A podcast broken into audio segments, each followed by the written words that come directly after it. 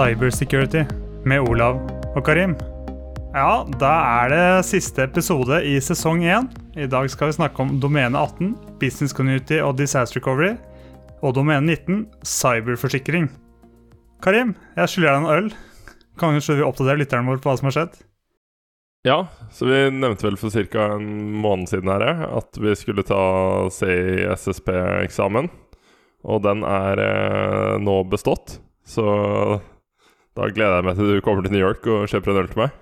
Ja, jeg tror det må bli to-tre. Fordi det er mange jeg kjenner som har prøvd på SISP og ikke bestått. Så du skulle, vi skulle jo lese noen timer, men det ble travelt for jobb på begge to. Så jeg vet ikke hvor mange timer du har lest, men jeg tipper at det er mindre enn fem. Og så møte opp og bare naile eksamen etter hva brukte du? 40-15 minutter? Jeg fikk jo meldinga lynraskt av at du hadde bestått.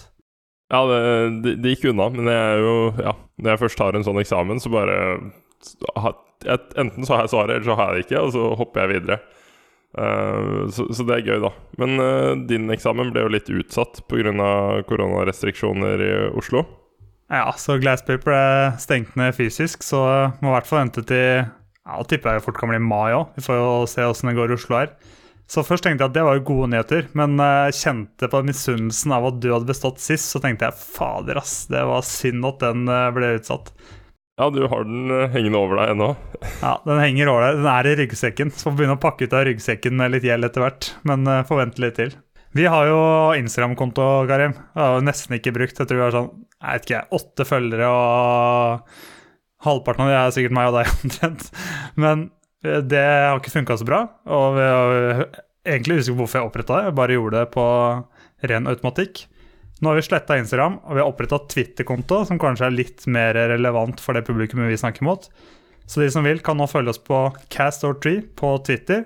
Så skal vi også legge ut eh, litt oppdateringer der. Kanskje enda litt mer hyppigere enn det vi gjør på LinkedIn. Med litt sånn ja, litt mer ting som skjer. LinkedIn føler jeg er litt formelt. Eh, hva tenker du, Karim? Jeg er helt enig. Så det er fint å poste nye episoder og sånn iblant på LinkedIn, men på en måte interaksjon med lytterne våre, det, der er nok Twitter litt bedre. Det er, det er litt mer som skjer i nyhetsstrømmen på Twitter, kan man si. Ja. En annen ting som er litt kult, at jeg gikk tilfeldigvis inn på den her, var faktisk samordning som så, tror jeg. Husker jeg ikke helt. Men jeg hadde sett at vi hadde fått tilbakemeldinger på Apple Podcast, altså appen, så folk hadde gått inn der og skrevet noen hyggelige ord om oss, så det var utrolig kult. Så ja, bare takke for det. Men så leste jeg en ganske spennende nyhet som jeg pitcha til deg jeg tror vi snakka om en torsdag eller fredag, eller når det var. Med angriper som har begynt med litt ny metode. Kanskje du har lyst til å fortelle litt om den, Karim? Ja, så Man ser jo at uh, angripere gjerne tar for seg et miljø. Så la oss f.eks. si at de er ute etter organisasjon X, og organisasjon X vet de f.eks. har det meste av deteksjoner outsourcet til provider uh, Y. Og, og, det de gjør da, er å på en måte ta for seg en annen organisasjon som har kanskje samme leverandør for detections, og så prøver de å se ok, hva skal til for å bypasse deteksjoner hos denne, istedenfor å typisk det de har gjort tidligere, sette opp et sandbox-miljø for å emulere det. For det er jo en ting er at du kan jo sette opp et sandbox-miljø og på en måte emulere EDR-agenter sine basic deteksjoner osv. Men en MSSP er du jo nødt til å faktisk battle-teste hos et selskap som har den. Eh, og lære deg hvordan du skal unngå de deteksjonene. da. Og så MSSP er jo da en Managed Security Services Provider. Så gjerne en provider som gjør deteksjoner for deg, da. Kult. Som andre ord, man har fått kontroll over et miljø, så man vet at det er ganske sammenlignbart med den man egentlig ønsker å ta kontroll over. Og så prøver man de ulike angrepene man har planlagt for, og ser om de blir detektert, og eh, om de blir dytta ut igjen. Og Hvis det ikke blir det, så vet jeg at med litt høyere sannsynlighet så vil vi lykkes med det andre angrepet på, med den samme metoden. Hvis ikke, så tilpasser det seg. Ja, ganske interessant utvikling. Lurer på om vi bare skal hoppe rett inn i domenet 18. Ja. Business Community og Disaster Recovery. Først, hvorfor, hvorfor backup på DR-plan? Hva tenker du, Karim? Nei, så Det er jo sånn at på et eller annet tidspunkt så vil ting gå galt. Og det må man på en måte alltid øh, regne inn som en faktor. Om det er et angrep som forårsaker det, eller om det er et uhell, eh, altså konfigurasjonsfeil, eller at noen slettet noe de ikke skulle, f.eks., så, så vil, det, vil det inntreffe. Og det handler jo da om å komme fortest mulig tilbake. Altså hvordan kan det her påvirke bedriften minst mulig? Hvordan kan du miste minst mulig data, f.eks., eh, og ha minst mulig nedetid? Um, og det avhenger jo litt av organisasjon, uh, hvor mye man vil ha her. Så du kan jo begynne med å dekke litt om uh, backup, uh, Olav.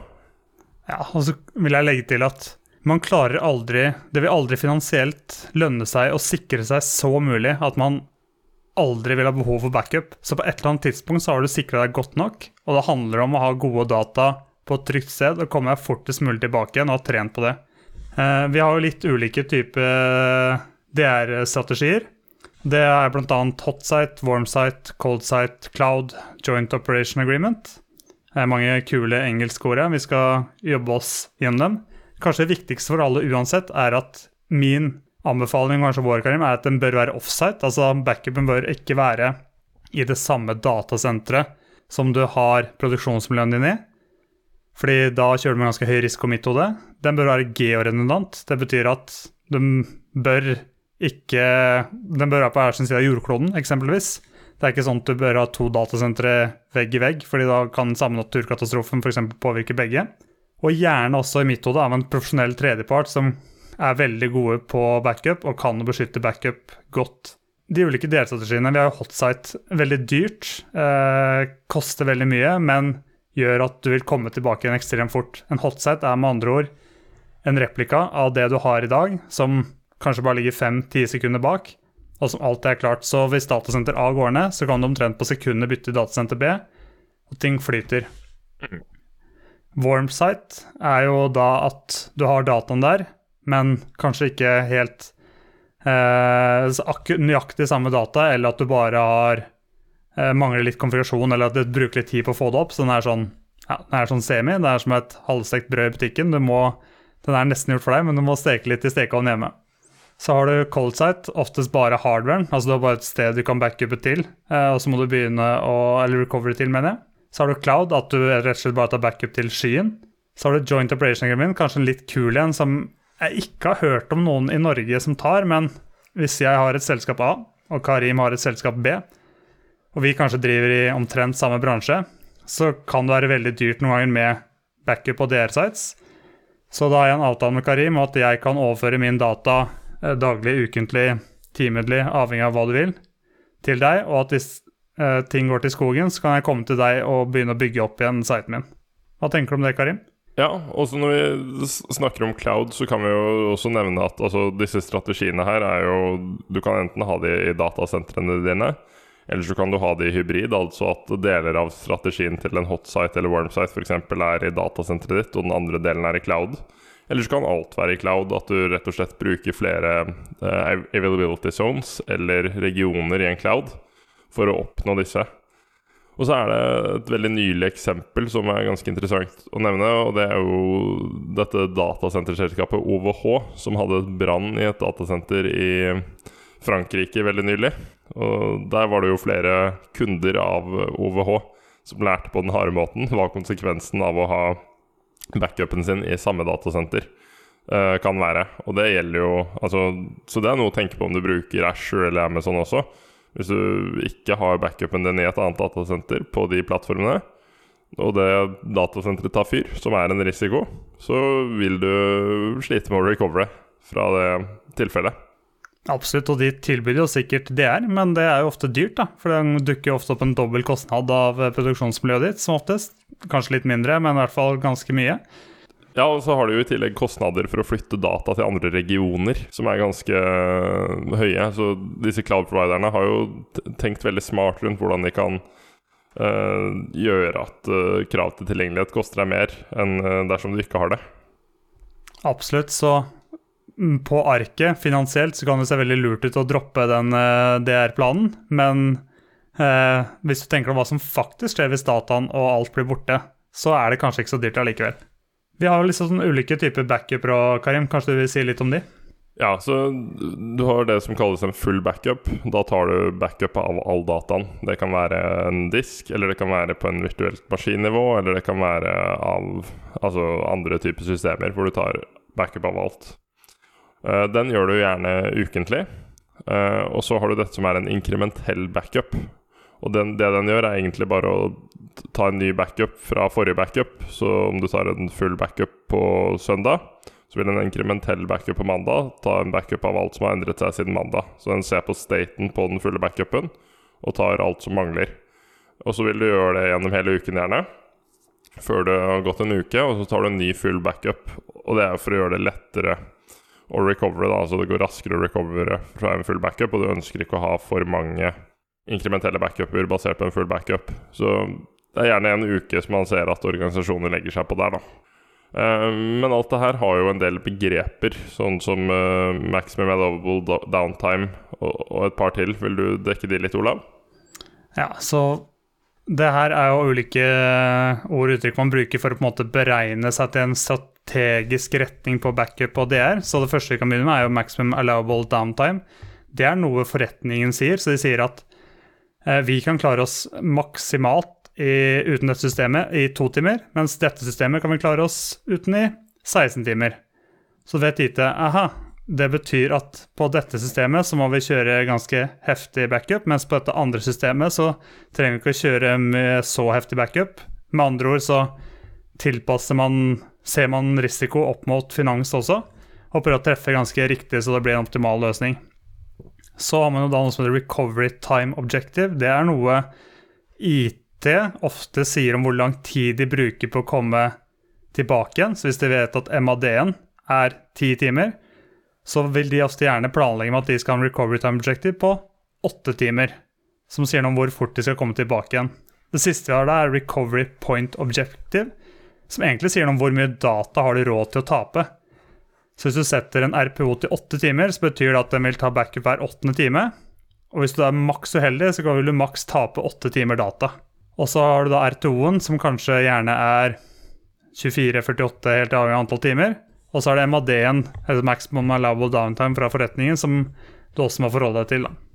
Var det en god forklaring, Karim?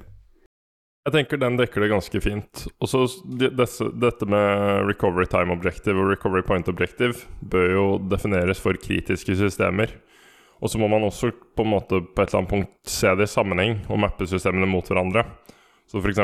Active Directory, kan jo, altså identitetssystemet, kan jo være et utgangspunkt for andre systemer. Sånn at uh, recovery time objective eh, ved en uh, full disaster vil være lenger for et annet system eh, enn bare sitt eget, fordi du må først recovery deler av Active Directory. Så du er nødt til å se ok, hvor mange timer inn i en Active Directory recovery må det være før du kan begynne din recovery. Sånn at det er viktig å på en måte se alle systemene i sammenheng, og også ha oversikt over dependencies, som vi har snakket om i tidligere domener. Absolutt. Og så tenker jeg på én ting, Karim, som jeg ikke tror veldig mange i Norge gjør, og det er trening. Hva, hva tenker du her? Hvor ofte bør man trene, og hva slags ulike treningsmetoder har vi? Ja, jeg vil jo si årlig er på en måte minimumintervall for hvor ofte du bør trene. Og da mener jeg i forhold til Altså det bør være en veldig intrusive trening. Så har jo, Når vi kommer på treningsscenarioer, så er det på en måte den som er minst intrusive. Det er jo en tabletop exercise. Da tar du for deg hvor du utspiller et uh, fiktivt scenario. Uh, og hvordan du ville respondert på de forskjellige tingene, og hvilke steg du ville gått igjennom. Så det er på en måte Du validerer at du har en cirka plan uh, på plass. Uh, og den kan gjerne gjøre sammen med da, en walkthrough, da, så du går virkelig gjennom steg for steg. Alle, alt som skal til for å recovere, og validere at det cirka stemmer. Men så kan du også gå litt dypere i det og gjøre en faktisk simulering, eh, hvor du ser på at ok, nå er det systemet her nede, så du tar det ned, og så simulerer du hvordan du vil recovere det i praksis. Eh, og så snakket jeg jo om dette med alle forskjellige systemer, og du kan jo gjøre en full interruption, altså at du tar hele systemet ned, eller flere systemer, og prøver å recover de, og ser på rekkefølgen du recoverer det i. Og uh, også eh, hvor langt inn i recovery på system A må du være før system B kan begynne sin recovery, f.eks.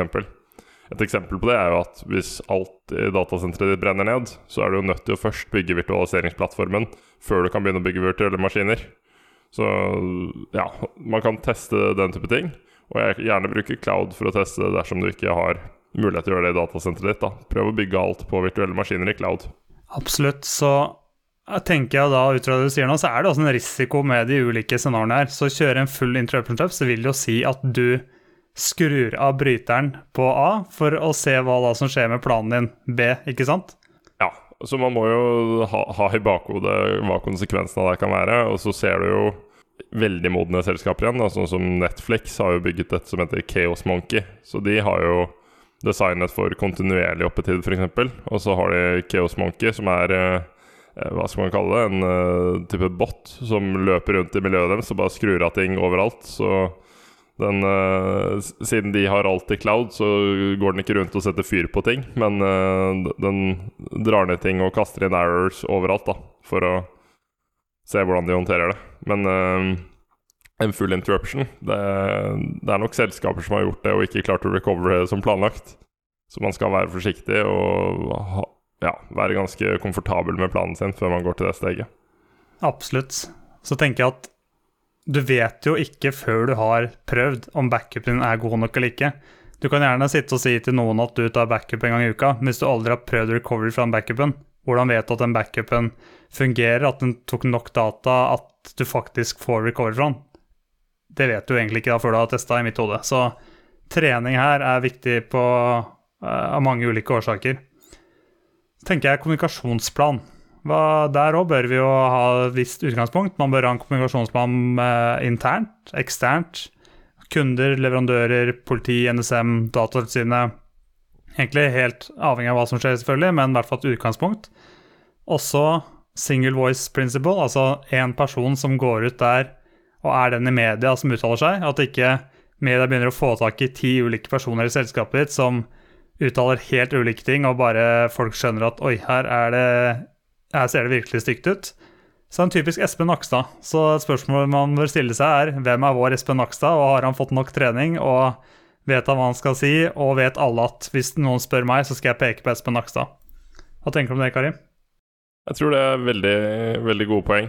Uh, og så er det jo dette med å beskytte backupene sine også, og disaster recovery-sitene, som man bør tenke litt på. Uh, man så jo f.eks. Toten kommune, som uh, bygger alt på nytt. De hadde sannsynligvis ikke god nok beskyttelse av backupene sine. Og du må, ha, ha, du må også ha alternative planer og rutiner. Som, som, ok, når ting går ned, og du har denne nedetiden din, hvordan skal bedriften kunne operere? Uh, må du gå over på kontantløsninger f.eks. istedenfor kort, osv. Absolutt. Så hvordan skal vi fortsette å tjene penger når IT-systemet er nede? Hvordan får du solgt sjampoen din? Det er en god oppsummering. Nei, men Da syns vi har dekka domene 18 bra, Karim. Hva tenker du? Jeg er helt enig. Så la oss hoppe litt over på cyberforsikring. Kanskje du kan gjøre en innledning her? Ja. Her er, jeg tror jeg vi kan si at cyberforsikring det er ikke nødvendigvis for alle, men jeg tror det kan være lurt for veldig mange. Og Spørsmålet er jo hvorfor. og Da er det jo bare å ta en titt på f.eks. Hurtigruten, Hydro og andre som nok har opplevd et ganske heftig tap, og som får en ganske stor kostnad å bygge ting opp igjen. Da kan det være fint å ha en eh, sterk partner i ryggen som stiller med både Altså, det en cyberforsikring ofte gjør, er at den stiller med ekspertbistand, bistand til å gjenopprette data, erstatning av driftstap, erstatningsansvar overfor tredjepart og juridisk bistand. Og mange selskaper har jo ikke alt det her internt eller har nok kapital til å overleve selv blir tatt ned.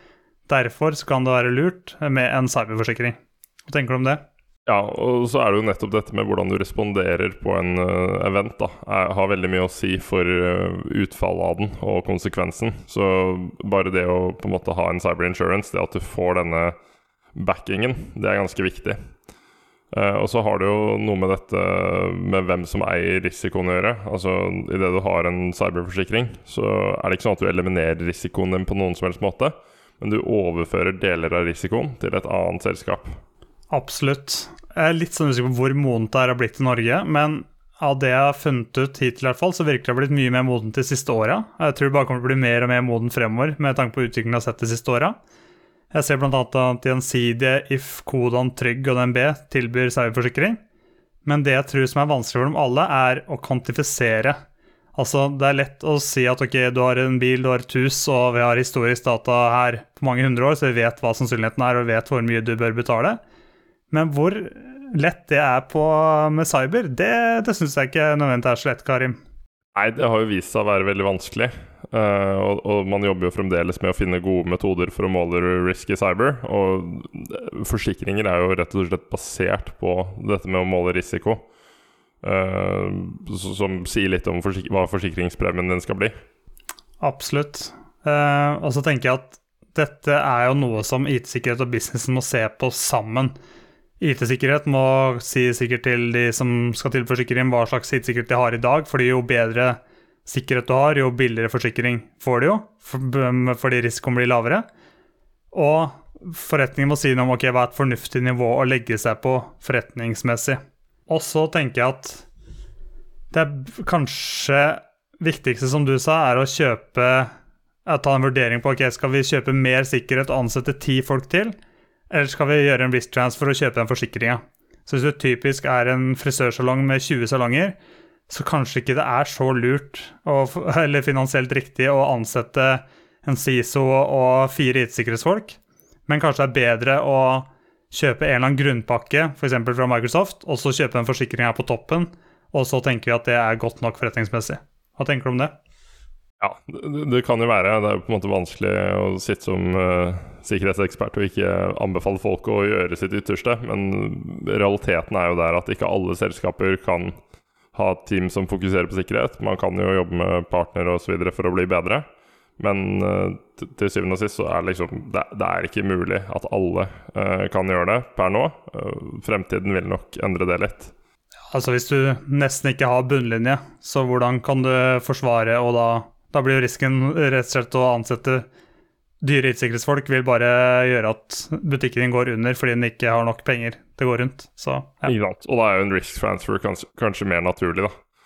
Men uh, ønsker også å ta et par eksempler når vi kommer inn på dette med cyber insurance. Så De fleste husker jo WannaCry, som traff uh, ganske bredt, for å si det sånn. Mersk uh, var jo en av de som var hardest rammet.